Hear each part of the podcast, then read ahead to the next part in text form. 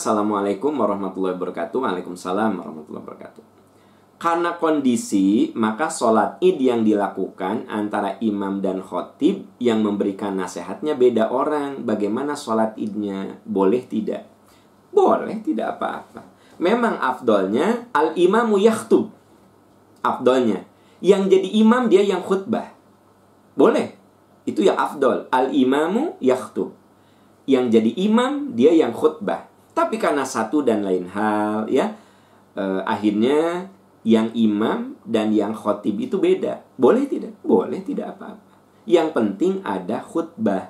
Jadi yang namanya sholat id itu sholat sunnah yang wajib berjamaah. Afdol kalau ada khutbah.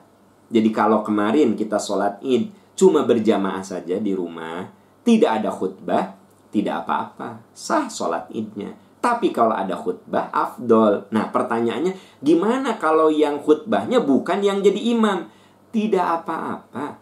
ya Karena intinya itu khutbahnya, bukan siapa yang berkhutbah. Begitu. ya Nah ini yang saya katakan, memang afdolnya al-imamu yaktub. Orang yang jadi imam itu yang khutbah afdolnya. Ya kalau tidak memungkinkan tidak apa-apa.